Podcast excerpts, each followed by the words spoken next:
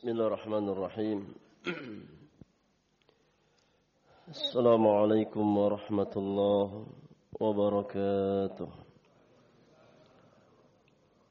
الحمد لله رب العالمين. حمدا كثيرا طيبا مباركا فيه. كما يحب ربنا ويرضى. والصلاة والسلام على أشرف المرسلين المبعوث رحمة للعالمين. نبينا وقدواتنا محمد ابن عبد الله صلوات الله وسلامه عليه وعلى آله وأصحابه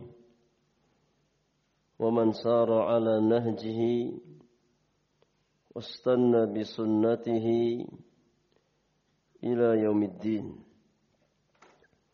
فإن أصدق الحديث كتاب الله عز وجل وخير الهدي هدي محمد صلى الله عليه وسلم وشر الأمور محدثاتها.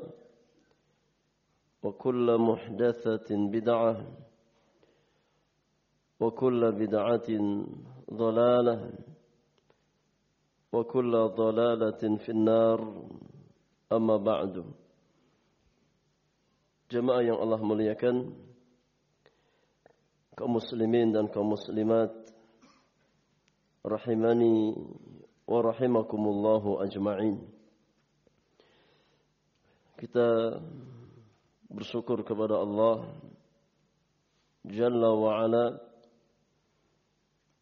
yang kembali mempertemukan kita di majlis yang mulia ini untuk melanjutkan pelajaran kita di dalam mengkaji dan membahas kitab Riyadhus Salihin من كلام سيد المرسلين. وكريا الإمام أبو زكريا يحيى بن شرف النووي رحمة الله تعالى عليه. رحمة واسعة. Dan di malam hari ini di malam yang ke-10 dari bulan Rabiul Awal di tahun 1445 Hijriah kita masuk pembahasan hadis yang ketiga yang penulis bawakan di bab yang ke-28 Bab satri auratil muslimin wan nahyi an isya'atiha li ghairi daruratin bab perintah untuk menutup aib kaum muslimin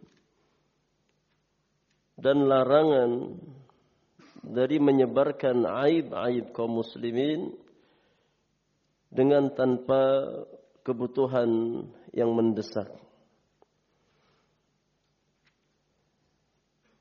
Tafadhal dibaca hadis yang ketiga atau hadis nomor 242 di dalam kitab Riyadhus Salihin. Bismillah wassalatu wassalamu ala Rasulillah wa ala alihi wa sahbihi ajma'in. Amma ba'd. Qala al-muallif rahimahullah ta'ala باب ستر عورات المسلمين والنهي عن إشاعتها لغير ضرورة الحديث الثالث وعنه عن النبي صلى الله عليه وسلم قال إذا زانت الأمة فتبين زناها فليجلدها الحد ولا يثرب عليها ثم إن زنت الثانية فليجلدها الحد ولا يثرب عليها ثم إن زنت الثالثة فليبيعها ولو بحبل من شعر. متفق عليه. التثريب التوبيخ. Jazakallahu khairan wa baraka fik. Hadis yang ketiga Al-Imam membawakan sebuah hadis yang muttafaqun alaih dikeluarkan oleh Al-Imam Al-Bukhari dan Muslim di dalam kedua sahihnya Adapun Al-Imam Al-Bukhari beliau bawakan hadis ini di dalam Kitabul Buyu' bab Bai'ul 'abdi zani. Hadis nomor 2512 2512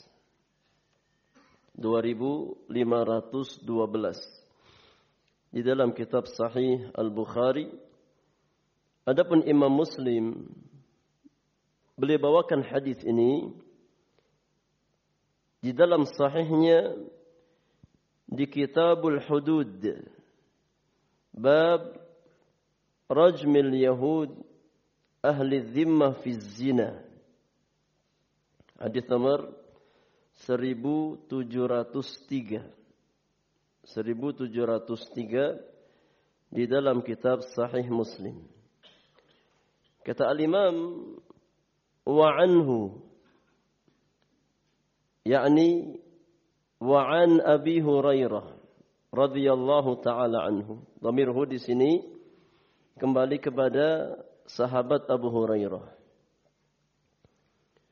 عن النبي صلى الله عليه وسلم قال dari Nabi yang mulia alaihi salatu wassalam beliau bersabda Idza zanatil amatu fatabayyana zinaha falyajlidha al-hadda wala yutharrib 'alayha Kata Nabi yang mulia apabila ya seorang budak wanita berzina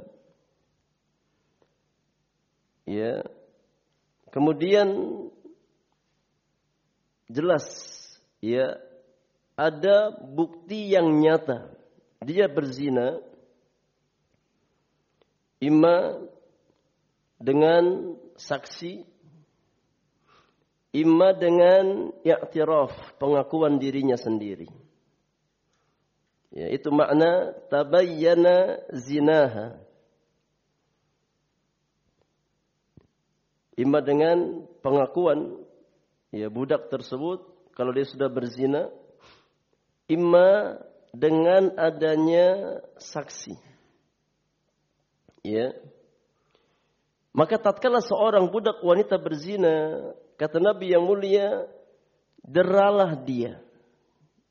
Ya, sebagai bentuk had. Deralah ya budak tersebut.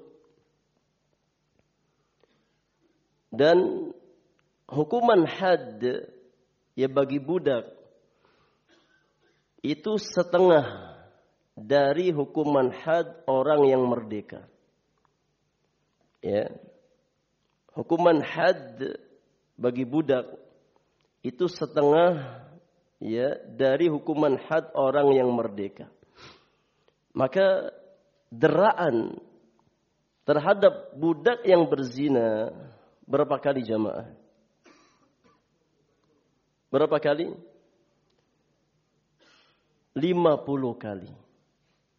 Ya, karena orang yang merdeka ya tatkala berzina dalam kondisi belum menikah, maka dia didera sebanyak seratus seratus kali deraan. Maka hukuman budak itu setengah dari hukuman orang yang merdeka. Maka makna sabda Nabi yang mulia, "Falyajlidha al-hadda" deralah dia. Ya dengan deraan yang bersifat had, hukuman had. Karena hukuman dalam syariat Islam itu ada dua macam. Ada hukuman yang sifatnya had, ada hukuman yang sifatnya ta'zir. Ya. Adapun hukuman had adalah hukuman yang kadarnya sudah ditentukan oleh syariat. Ya hukuman had adalah hukuman yang kadarnya sudah ditentukan langsung oleh syariat. Ya. Seperti ya seseorang yang berzina dalam kondisi belum menikah, ya masih sebagai seorang ya perjaka atau seorang ya gadis. Maka hukuman hadnya adalah seratus kali cambukan. seratus kali dera. Ya. Sedangkan seseorang yang berzina dalam kondisi sudah menikah ya maka hukuman hadnya adalah dirajam sampai sampai meninggal dunia. Ya. Orang yang mencuri dan sudah sampai nisab yang dia curi, ya, sudah sampai seperempat dinar, maka hukuman hadnya apa? Dipotong tangannya. Ya, dipotong tangannya. Orang yang minum khamr ya, secara sengaja ya dengan tanpa paksaan maka hukuman hadnya adalah didera sebanyak ya yakni 40 kali deraan. Itu namanya hukuman had. Hukuman yang kadarnya sudah ditetapkan langsung oleh syariat. Sedangkan takzir adalah hukuman kepada pelaku ya, kriminal tertentu yang kadarnya dikembalikan kepada ijtihad seorang hakim. Itu namanya takzir. Ya, hukuman terhadap ya pelaku kriminal tertentu yang kadar hukumannya dikembalikan kepada ijtihad seorang seorang hakim. Maka di sini Nabi Shallallahu Alaihi Wasallam memerintahkan, ya, seorang sayyid, seorang tuan, tatkala dia punya budak wanita, kemudian budak wanitanya berzina, maka hendaknya dia dera, ya, sebagai bentuk hukuman had sebanyak 50 kali deraan. Namun kata Nabi yang mulia, wala yutharrib alaiha. Ya, setelah dia dihukum had, didera, maka jangan ditambah dengan cacian. Jangan dicaci. Ya. Jangan direndahkan. Sudah cukup dia dapat hukuman. Ya, maka jangan dicaci, jangan dihina. Thumma in zanati thaniyata falyajlidha al-hadda. Kata Nabi Shallallahu Alaihi Wasallam, kemudian kalau dia mengulangi lagi zinanya, berzina untuk yang kedua kali, maka didera lagi. Ya, berikan hukuman had lagi. Sebanyak 50 kali ya deraan. Wala yutharrib alaiha kalau sudah dihukum dengan hukuman had ya didera 50 kali deraan maka jangan dicaci. Ya, Jangan di, dihina. Thumma in Kemudian kalau seandainya budak tersebut kembali berbuat zina untuk yang ketiga kalinya, falyabi'ha maka hendaknya dia jual budak wanita itu. Ya. Hendaknya dia dia jual. Walau bihablin min sya'arin ya meskipun seharga seutas tali dah dijual aja. Ya meskipun dengan harga yang yang sangat murah. Ya kalau ia sudah dihukum kemudian kembali berzina ya dihukum lagi kembali berzina lagi maka kata Nabi hendaknya dia jual budak wanita itu. Meskipun dia harus menjual ya dengan harga yang murah, dengan seutas seutas tali. Ya, kita ambil faidah dari hadis yang mulia ini. Saya bawakan faidah dari hadis yang ketiga dari ya perkataan Al Imam An Nawawi di dalam kitabnya Al Minhaj. Antum bisa rujuk ya perkataan beliau di dalam kitab Al Minhaj Syarah Sahih Muslim Ibn Al Hajjaj. Tatkala mensyarahkan hadis hadis di atas. Kata Imam Nawawi rahimahullahu taala wa fil hadis dalilun ala wujubi haddi zina ala al-ima'i wal abid. Ya, pada hadis di atas terdapat dalil wajibnya menerapkan hukuman had ya atas seorang budak yang berzina baik budak laki-laki ataupun budak perempuan. Tatkala dia berzina, maka wajib untuk ditegakkan hukuman had. Karena hukuman had itu berlaku untuk semuanya. Bukan hanya untuk orang yang merdeka. Hatta untuk budak, ya maka berlaku hukuman hukuman had bagi mereka. Yang membedakan hukuman had antara orang yang merdeka dengan hamba sahaya bahwasannya hadnya hamba sahaya itu setengah dari hukuman had orang yang yang merdeka. Ya. Setengah dari hukuman had orang yang yang merdeka. Faidah yang kedua, wa anna sayyid yuqimul hadda ala abdihi wa amatihi dalam hadis tersebut juga bisa kita ambil faidah bahwasannya seorang tuan ya memiliki hak untuk menerapkan hukuman had kepada hamba sahaya yang dia miliki. Ya. Seorang yang majikan atau seorang sayyid, seorang tuan itu diberikan hak ya untuk menerapkan had ya terhadap budak yang dia yang dia miliki.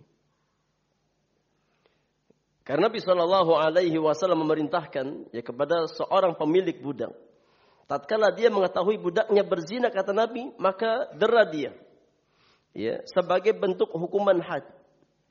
Ya, maka ini mimbabil istithna. Bab istithna. Hukum asalnya hukuman had itu dilaksanakan oleh siapa? Waliul amr. Ya. Hukum asal penerapan hukuman had itu tidak dikembalikan kepada perorangan. Ya. Tapi hukuman had adalah hak waliul amr. Ya.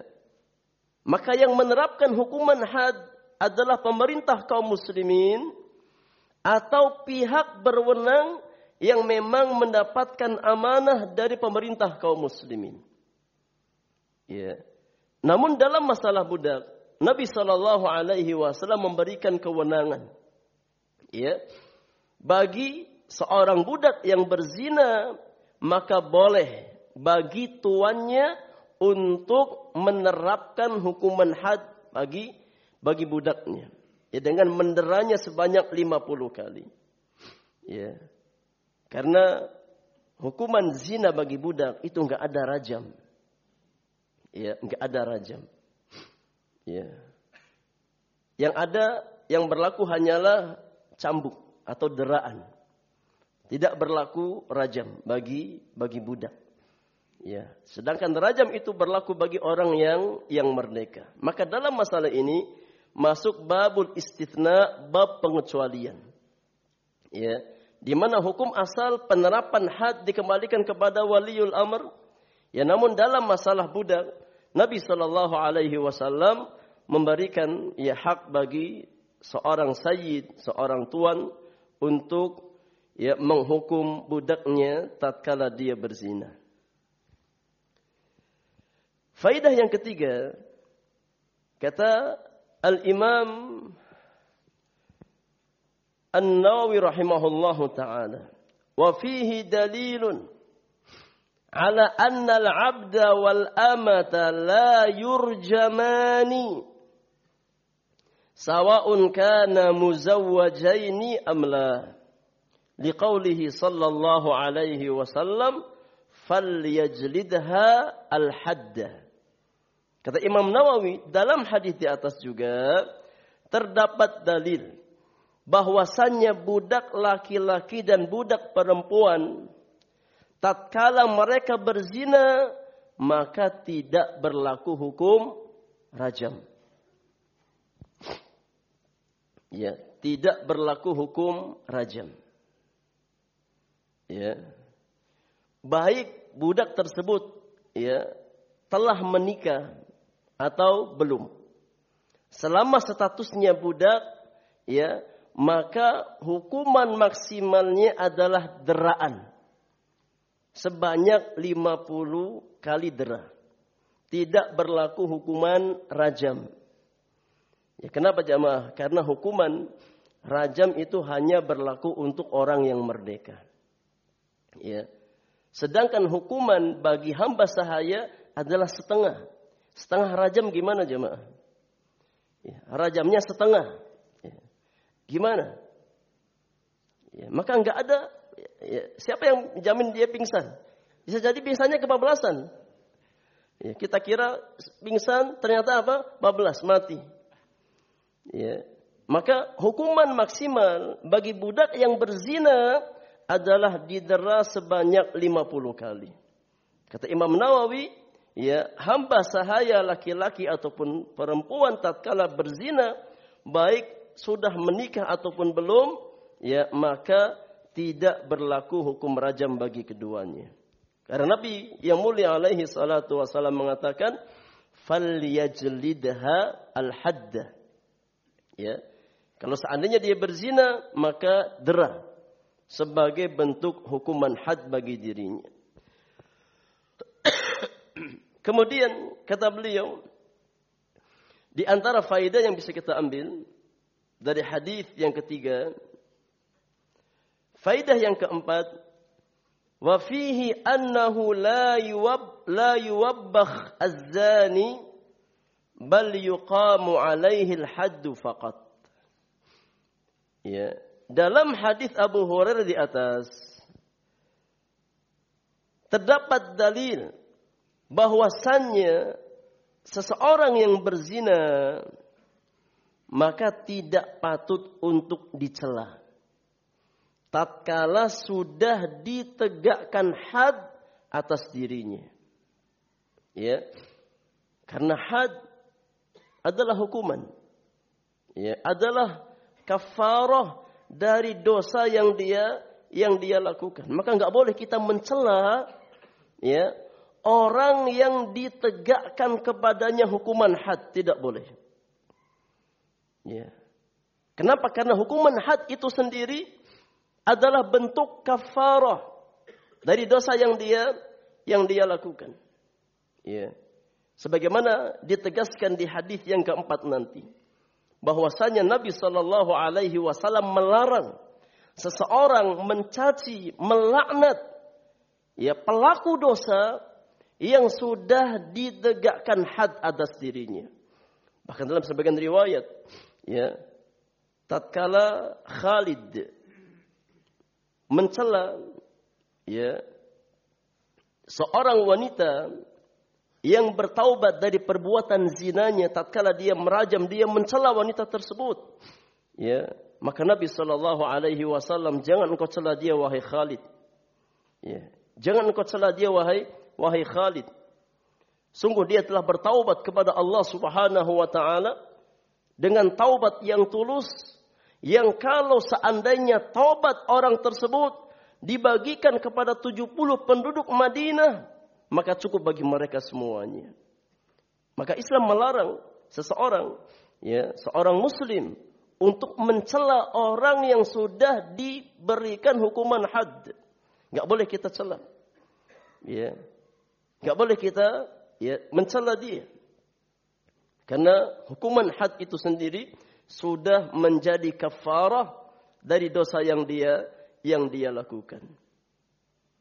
Makanya kata para ulama, al-haddu ya atau al-hududu zawajir wa jawabir. Ya, al-had zajirun wa jabrun. Hukuman had itu sebagai yakni sebagai peringatan bagi yang lain ya dan sebagai penambal kekurangan dari orang yang melakukan maksiat tersebut. Ini fungsi had. Ya, sebagai kafaroh bagi orang yang melakukan dosa dan sebagai ya takhwif sebagai peringatan bagi orang lain agar jangan berbuat yang semisal dengannya. Maka tidak boleh seorang muslim mencela seseorang yang dia sudah ditegakkan hukuman had atas dirinya. Di antara faidah yang bisa kita ambil dari hadis yang ketiga, kata Imam Nawawi rahimahullahu taala, wa fihi tarku mukhalatatil fusaq wa ahli ma'asi. Ya, dalam hadis di atas terdapat anjuran untuk meninggalkan ya mukhalatah bergaul dengan orang-orang yang fasik dan ahli maksiat. Terdapat anjuran dari Nabi Shallallahu Alaihi Wasallam untuk meninggalkan pergaulan dengan orang-orang yang fasik. Orang-orang yang condong kepada jalan kemaksiatan kepada Allah Subhanahu wa taala.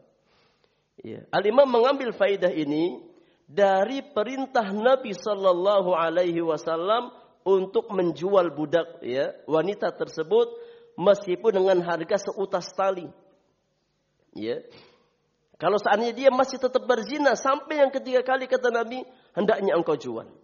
Meskipun dengan harga seutas tali, meskipun dengan harga yang murah, jual dia. Agar seorang muslim tidak mukhalatah dengan orang-orang yang fasik. Ya. Tidak bercampur dengan orang-orang yang yang fasik. Ya. Karena dikhawatirkan kefasikan itu bisa menular ya kepada kepada seseorang. Maka anjuran dari Nabi Shallallahu Alaihi Wasallam ya untuk meninggalkan mukhalatah dengan orang-orang yang fasik dan pelaku maksiat. Kemudian Al-Imam mengatakan menjelaskan tentang hukum menjual budak ini. Ya. Apakah hukum menjual budak dalam kasus ini wajib atau sebatas anjuran? Kata Imam Nawawi, "Wa hadzal bai' al-ma'muru bihi mustahabbun laisa biwajibin." Ya. Hukum membual, uh, menjual budak di sini yang Nabi Shallallahu alaihi wasallam perintahkan itu sifatnya mustahab dan bukan satu kewajiban. Ya. Yani kalau seandainya sang tuan tetap mau mempertahankan, maka itu hak dia. Ya. Tapi kalau seandainya dia jual itu yang lebih utama, itu yang lebih selamat. Ya meskipun dia harus jual dengan harga yang murah, meskipun dia rugi secara duniawi, tapi itu yang lebih menyelamatkan akhiratnya. Itu yang lebih menyelamatkan agamanya. Ya. Kemudian kata Imam Nawawi, "Wa hadzal ma'muru bihi yalzam sahibahu an yubayyina halaha lil mustari." Kalau seandainya seseorang hendak menjual budaknya kepada orang lain dalam kondisi sang budak ya telah melakukan zina maka dia wajib untuk menjelaskan kondisi budak tersebut kepada sang pembeli. Ya. Ini ya masuk membuka aib. Tapi mimbab apa? Mimbab hajat dan darurat. Ya. Kenapa? Karena kondisi budak semacam itu termasuk aib. Li'annahu aib. Wal ikhbaru bil aibi wajibun. Dan tatkala seseorang ya, menjual sesuatu yang ada aibnya, maka dia harus jelaskan aib tersebut kepada kepada pembeli. Jadi di antara apa? Di antara ya syarat dalam bermuamalah, dalam berjual beli. Tatkala seseorang hendak menjual sesuatu dan dia tahu apa yang dia jual ada cacatnya, ada aibnya, wajib dia jelaskan aib tersebut kepada kepada pembeli. Ya, agar pembeli tidak merasa tertipu. Kalau seandainya sang penjual tidak menjelaskan aib di awal, kemudian sang pembeli ternyata tahu barang yang dia beli ada cacatnya, maka pembeli punya hakul khiyar. Ya, namanya khiyarul aib. Dia punya hak untuk mengembalikan barang tersebut kepada penjual. Ya, karena penjual di awal tidak menjelaskan aib yang ada pada pada barang tersebut. Makanya kata Imam Nawawi, tatkala seseorang, ya tatkala seorang sayyid menjual budak wanita dalam kondisi dia punya aib, ya sudah berzina, maka mau tidak mau harus di, dijelaskan aibnya. Dan ini mimbabil hajah. Maka tidak tidak terlarang. Ya, tidak terlarang karena menjelaskan aib dalam transaksi jual beli itu hukumnya apa? Hukumnya wajib. Ya. Menjelaskan cacat pada barang yang kita jual itu hukumnya wajib. Gak boleh kita tutup-tutupi. Ya. Tidak boleh kita menutup-nutupi aib ya pada sesuatu yang kita jual kepada kepada orang lain. Kalau ada yang bertanya, bagaimana seseorang dia membenci sesuatu, tidak menyukai sesuatu, ya, kemudian dia jual kepada saudaranya. Ya. Dia tidak menyukai ya hamba sahaya tersebut atau budak wanita tersebut karena aib yang ada pada dirinya. Kenapa malah dia jual kepada kepada orang lain. Iya. Bukankah di antara konsekuensi keimanan ya la yu'minu ahadukum hatta yuhibba li akhihi ma yuhibbu li nafsihi. Sekarang kenapa antum punya dia budak yang ada aibnya kemudian justru antum jual kepada orang lain? Iya. Maka jawabannya kata Imam Nawawi Hal ini dibolehkan. Ya, selama dari awal sang penjual atau sang sayyid ya menjelaskan aib budak tersebut. Diperbolehkan. Dan hikmahnya kata beliau, la'allaha tasta'ifu 'indal mustari. Ya, hikmahnya mudah-mudahan tatkala berpindah tangan dari tuan yang pertama ke tuan yang kedua, budak tersebut bisa menjadi wanita yang yang afifah. Wanita yang menjaga kehormatannya. Ya. Bi an yu'iffaha binafsihi. Ya, ima dengan yakni dia merdekakan dan dia nikahi sendiri. Ya, maka dengan wasilah seperti itu ya budak wanita tersebut bisa menjadi seorang wanita yang yang terhormat. Ini di antara hikmahnya. Ya. Ini faedah yang dibawakan oleh Al-Imam An-Nawawi rahimahullahu tabaraka wa taala. Nah. Taib kita bahas hadis yang terakhir, hadis yang keempat. تفضل اقرأ. الحديث الرابع وعنه قال أتي النبي صلى الله عليه وسلم برجل قد شرب خمرا قال اضربوه قال أبو هريرة فمنا الضارب بيده والضارب بنعله والضارب بثوبه فلما انصرف قال بعض القوم أخزك الله قال لا تقول هكذا لا تعين لا تعين عليه الشيطان رواه البخاري. Iya, jazakallahu khair. Hadis yang terakhir, Al-Imam membawakan sebuah hadis yang dikeluarkan oleh Al-Imam Al-Bukhari di dalam sahihnya di Kitabul Hudud Babud Darbi bil Jaridi wan Ni'al hadis nomor 6777 6777 di dalam kitab Sahih Al-Bukhari. Dari jalan Abu Hurairah radhiyallahu anhu beliau berkata, Utiyan Nabi sallallahu alaihi wasallam bi rajulin qad syariba khamran. Nabi dihadirkan ya. Di hadapan beliau seorang laki-laki yang telah meminum khamr. Ya, dihadirkan di hadapan Nabi sallallahu alaihi wasallam untuk ditegakkan hukuman had atas beliau. Qala Nabi sallallahu alaihi wasallam idribuhu ya pukul dia. Ya, pukul pukul dia. yakni diterapkan hukuman had didera ya sebanyak 40 kali deraan. Karena itu hukuman had bagi peminum khamr ya dipukul didera ya sebanyak 40 kali deraan. Qala Abu Hurairah, kata Abu Hurairah, faminna dharib biyadihi. Ya, sebagian kita ada yang memukul laki-laki tersebut dengan dengan tangannya.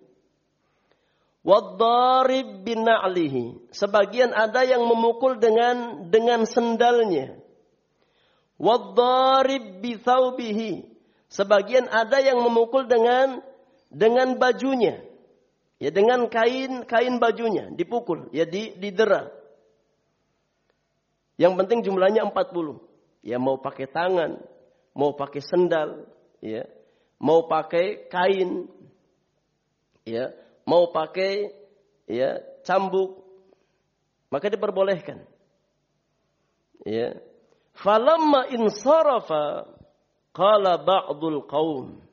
Ya tatkala dia selesai didera, sebanyak 40 kali deraan, sebagian sahabat ya ada yang berucap kepada laki-laki yang minum khamr tersebut padahal dia sudah didera 40 kali deraan.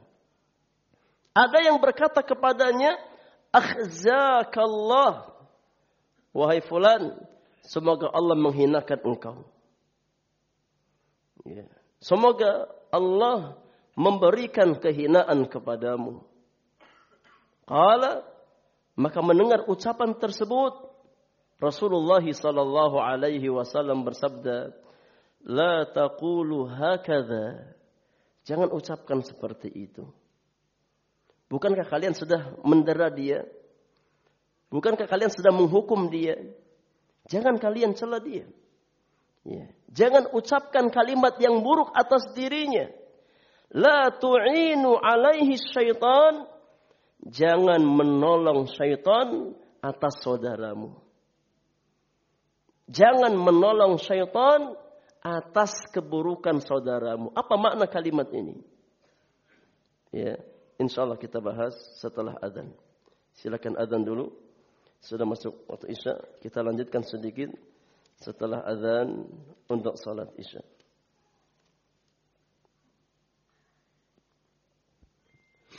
الحمد لله رب العالمين والصلاة والسلام على أشرف المرسلين نبينا محمد وآله وصحبه أجمعين أما بعد Jemaah yang Allah muliakan Nabi Shallallahu Alaihi Wasallam melarang ya seorang Muslim untuk mencela apalagi mendoakan keburukan ya terhadap pelaku maksiat yang sudah ditegakkan hukuman had atas dirinya. Maka tatkala Nabi mendengar seseorang ya mendoakan kehinaan bagi peminum khamar tersebut, Nabi Shallallahu Alaihi Wasallam berkata, "La taqulu hakadha." Jangan kalian ucapkan seperti itu. La tu'inu alaihi syaitan. Jangan kalian membantu syaitan atas saudaramu. Maknanya kata Al-Hafidh Ibnu Hajar rahimahullahu taala bahwasannya ya tatkala seseorang meminum khamr ya maka di antara sebab yang menjerumuskan dia ke dalam perbuatan maksiat tersebut adalah tipu daya syaitan ya tazyin as-syaitan ya bujukan syaitan kepada ya hamba tersebut untuk bermaksiat kepada Allah Subhanahu wa taala. Dan tujuan utama syaitan tatkala mengajak seorang hamba kepada jalan-jalan kemaksiatan adalah untuk menghinakan hamba tersebut. Ya, untuk menjadikan hamba tersebut sebagai hamba yang hina. Ya. Maka tatkala seorang muslim mendoakan kehinaan bagi saudaranya, itu sama maknanya dia menolong siapa? Menolong syaitan. Ya. Untuk mendapatkan tujuan dari ya apa yang syaitan inginkan. Maka Nabi melarang seorang muslim, ya hatta pelaku maksiat, ya hatta peminum khamr, tatkala dia sudah dihukum dengan hukuman had, maka jangan kita celah dengan lisan-lisan kita. Jangan sampai kita justru ya membantu syaitan untuk yakni menghinakan saudara kita. Ya karena hinanya seorang hamba adalah gol terbesar syaitan.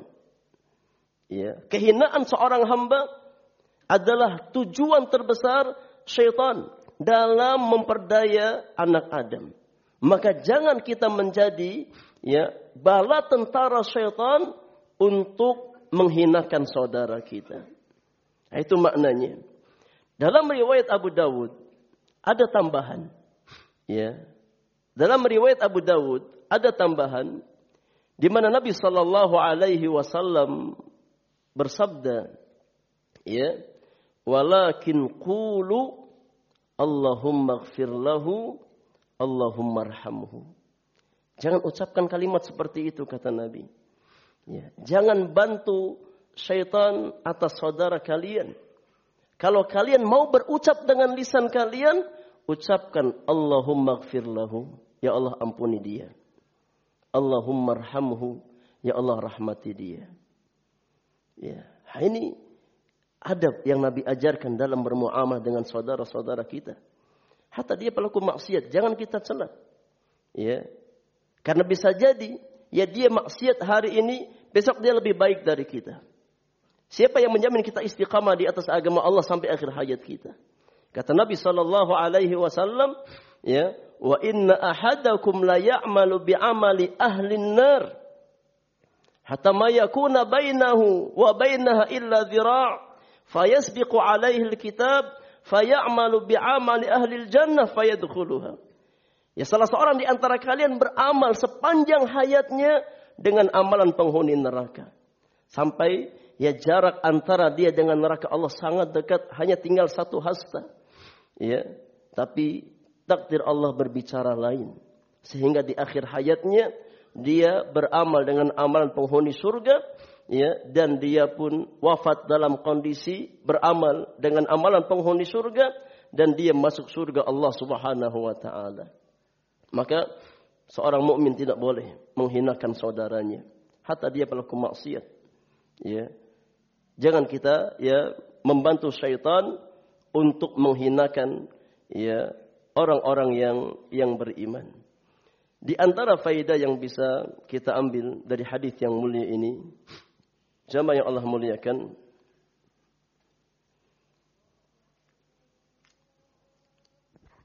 Al-Imam Al-Hafidh Ibn Hajar tatkala mensyarahkan hadis di atas beliau berkata yustafadu min dzalika man'ud du'a 'ala al-'asi bil ib'adi an rahmatillahi kalla'ni.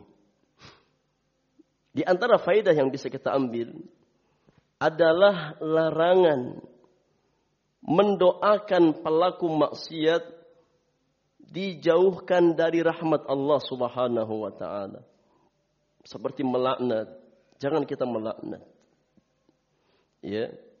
Jangan kita melaknat mereka. Kita benci kemaksiatan yang dia lakukan. Ya, makanya kata para ulama kata Syekh Muhammad bin Saleh Utsaimin rahimahullahu taala, hendaknya seorang mukmin tatkala melihat ya kepada pelaku maksiat, dia melihat dari dua sisi. Yang pertama kita benci kemaksiatannya. Kita benci keburukan yang dia lakukan. Namun hendaknya ada sifat rahmat pada hati kita terhadap ya terhadap orangnya. Hendaknya kita menyayangi orang tersebut. Ya. Dan di antara bentuk rahmat seorang mukmin terhadap saudaranya yang jatuh dalam ketergelinciran adalah berikan nasihat kepada dia. Kalau kita mampu berikan nasihat, berikan nasihat. Kemudian doakan ya agar Allah Subhanahu wa taala ya yakni memberikan hidayah kepada orang tersebut, memberikan ampunan kepada orang tersebut, bukan malah mendoakan laknat ya bagi bagi saudara kita. Maka benci kemaksiatannya, benci kefasikannya, tapi hendaknya kita berusaha untuk ya memiliki sifat rahmat kepada kepada mereka. Kalau kita nggak mampu memberikan nasihat dengan lisan-lisan kita, minimal kita doakan hidayah. Ya Allah berikan si fulan hidayah. Ya Allah berikan si fulan rahmatmu. Ya. Kembalikan dia kepada jalan yang benar. Ya, bukakan pintu hidayah kepada si fulan agar dia meninggalkan maksiat yang yang dia lakukan. Nah, itu sifat seorang seorang mukmin. Ya. Di antara faidah juga yang bisa kita ambil dari hadis yang mulia ini, dari hadis ini para ulama berpendapat, ya, bahwasannya pelaku dosa besar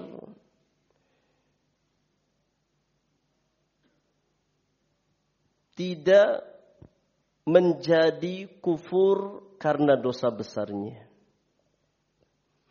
Ya. Tidak menjadi kufur karena dosa besar yang dia lakukan.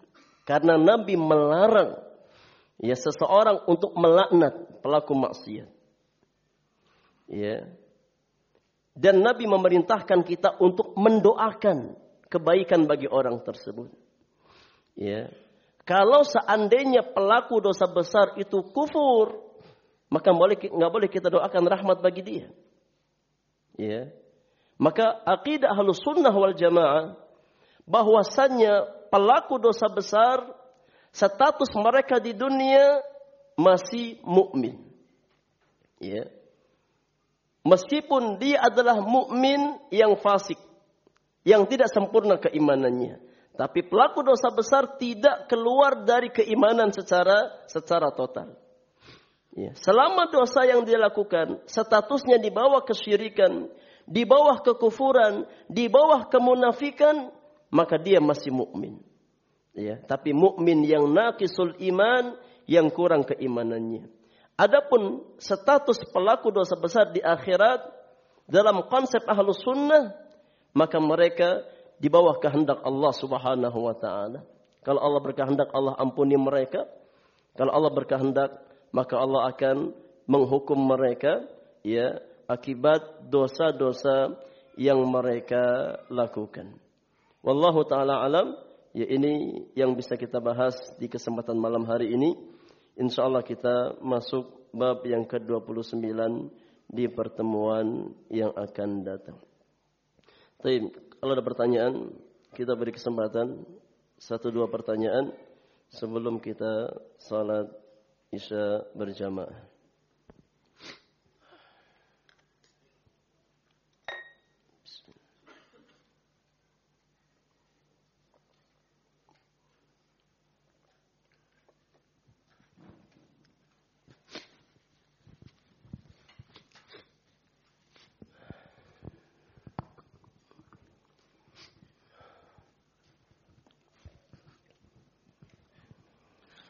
Assalamualaikum warahmatullahi wabarakatuh. Waalaikumsalam warahmatullahi wabarakatuh.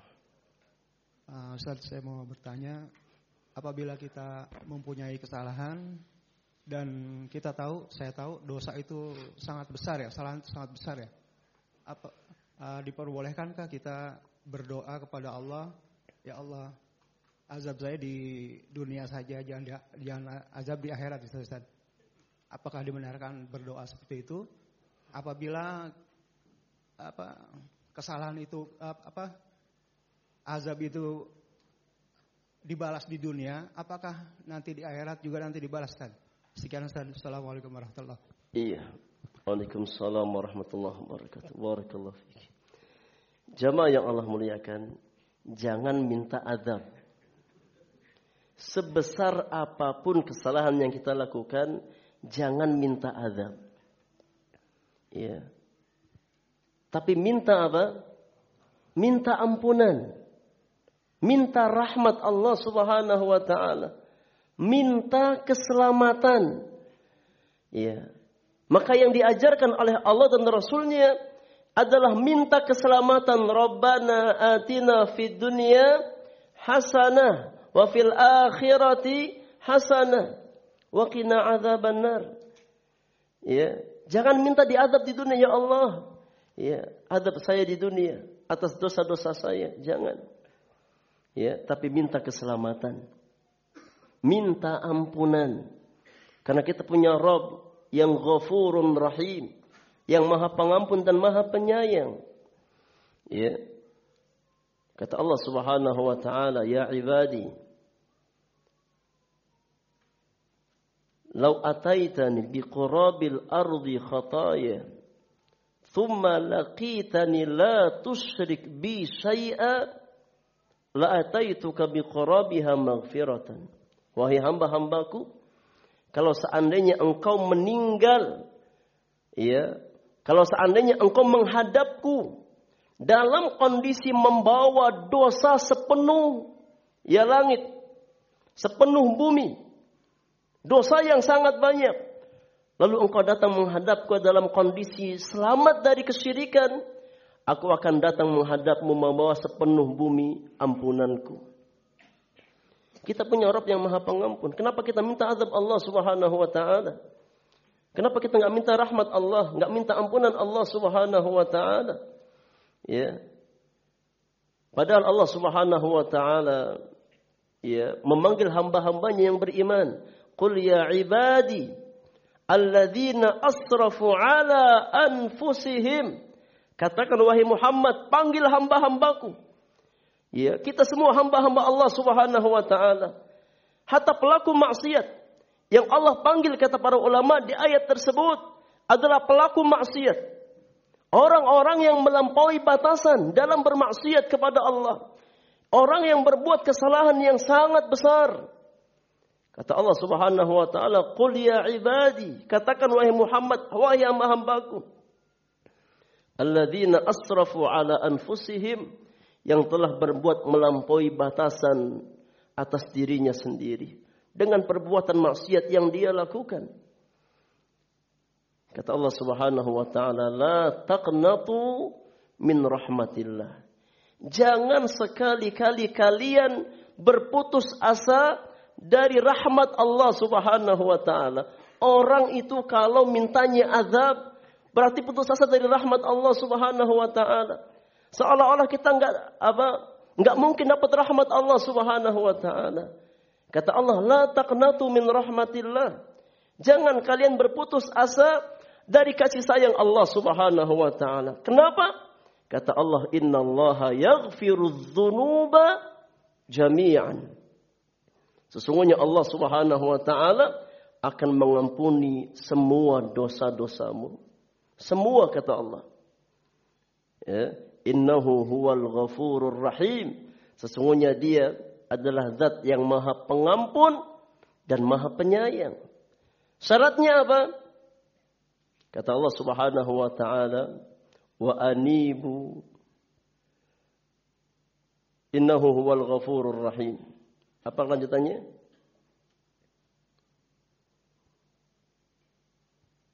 Surat Az-Zumar.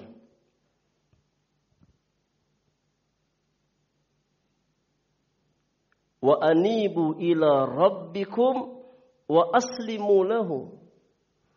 Ya, syaratnya kata Allah kembali kepada Rabbmu.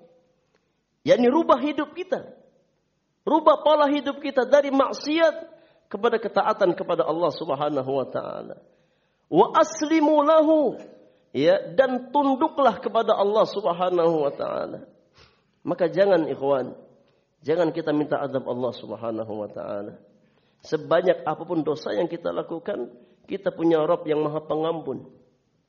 Kita punya Rob yang Maha yang Maha Penyayang. Ya, yang berkenan untuk mengampuni semua dosa hamba-hambanya. Maka kita minta Allah ampuni dosa kita, Allah tutup aib kita, ya, dan kita kembali menghadap Allah Subhanahu wa taala ya dalam kondisi bersih dari dosa-dosa kita. Kalaupun seandainya ada ujian, ya ada bala yang kita dapatkan, maka mudah-mudahan itu sebagai pembersih dari dosa-dosa yang kita yang kita miliki. Tapi seseorang minta untuk didatangkan adab Allah Subhanahu wa taala, maka ini bukan ya sifat seorang seorang mukmin. Ya, minta ampunan dan minta rahmat Allah Subhanahu wa taala. Dosa kita sangat banyak. Ya, dosa kita sangat sangat banyak. Ya, tapi rahmat Allah Subhanahu wa taala lebih luas. Ampunan Allah Subhanahu wa taala lebih lebih luas. Ya, maka jangan kita berputus asa dari rahmat Allah Subhanahu wa taala ya karena ya berputus asa dari rahmat Allah adalah di antara ya tipu daya syaitan untuk menutup ya pintu harapan seorang seorang hamba kepada Rabbul Alamin wallahu taala a'lam bissawab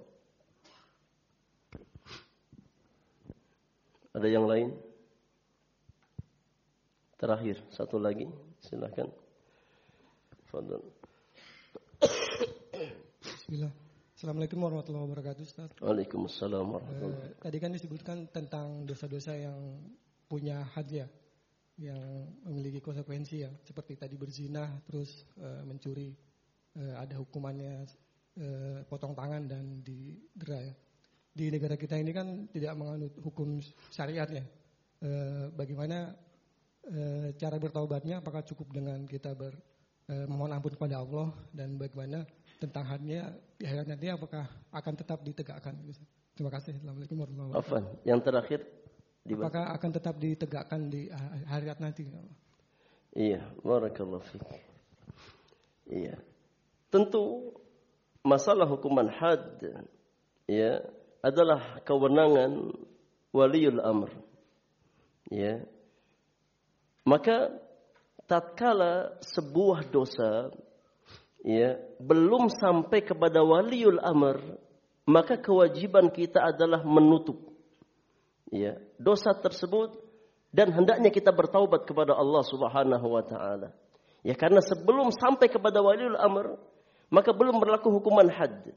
Tapi kalau sudah sampai dan terbukti, maka baru ditegakkan hukuman hukuman had. Ya.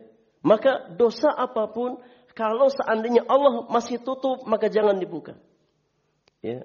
Hendaknya kita bertaubat kepada Allah Subhanahu Subhanahu wa taala hatta zina yang mewajibkan hukuman apa? Rajam. Ya.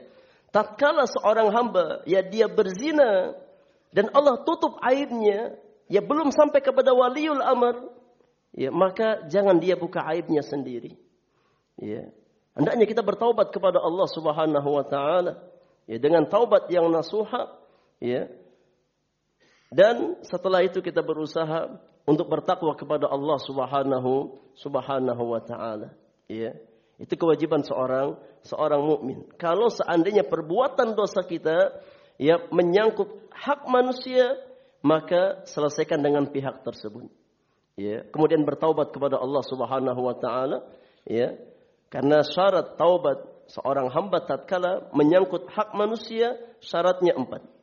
Yang pertama meninggalkan dosa tersebut. Yang kedua penyesalan dalam hatinya.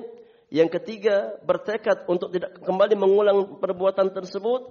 Yang keempat, mengembalikan hak yang dia ambil dari orang lain atau minimal minta keridhaannya, minta untuk diikhlaskan, diselesaikan di di dunia.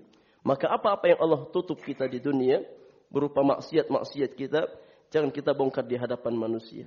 Cukup kita bertaubat kepada Allah Subhanahu wa taala. Ya, jangan kita membongkar aib kita sendiri. Nah, wallahu taala alam bisawab.